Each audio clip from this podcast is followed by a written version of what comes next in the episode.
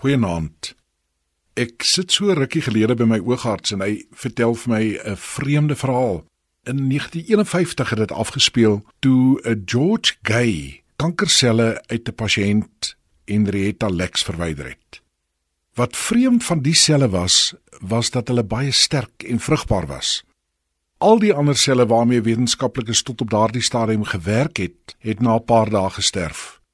Navorsers moes gewoonlik baie tyd spandeer om selle aan die lewe te probeer hou en het nie so baie tyd gehad om fisies op hulle eksperimente te kon doen nie. Maar hierdie Hella selle, vernoem na die skenker, het egter aanhou vermenigvuldig. Wanneer van hulle in die laboratorium gesterf het, kon hulle bloot vervang word met nuus. Dit het soveel deure oopgemaak. Uit hierdie selle is die eerste polio-enstof in 1954 ontwikkel en dit het gehelp in die formulering van die mense DNA.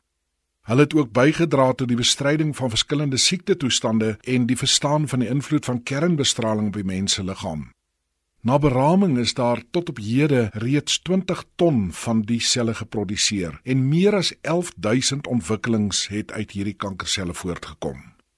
Ek dink jy het dit dadelik raak gesien en dit aangevoel.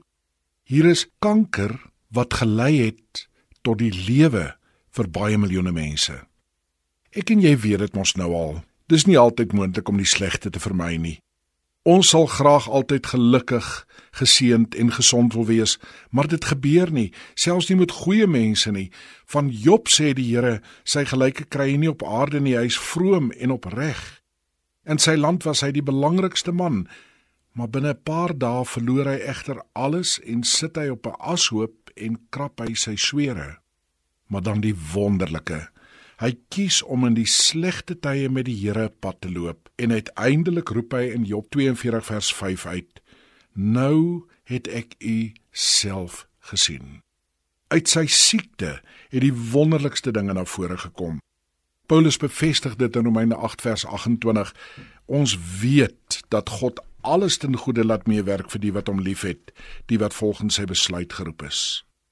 Ek en jy kan nie bepaal wat ons vandag gaan ondervind nie. Ons kan nie bepaal of ons kankerselle gaan ontwikkel nie. Ons kan egter vir die Here vra om ons te help om die goeie uit die slegte te laat voorkom. Goeienaand.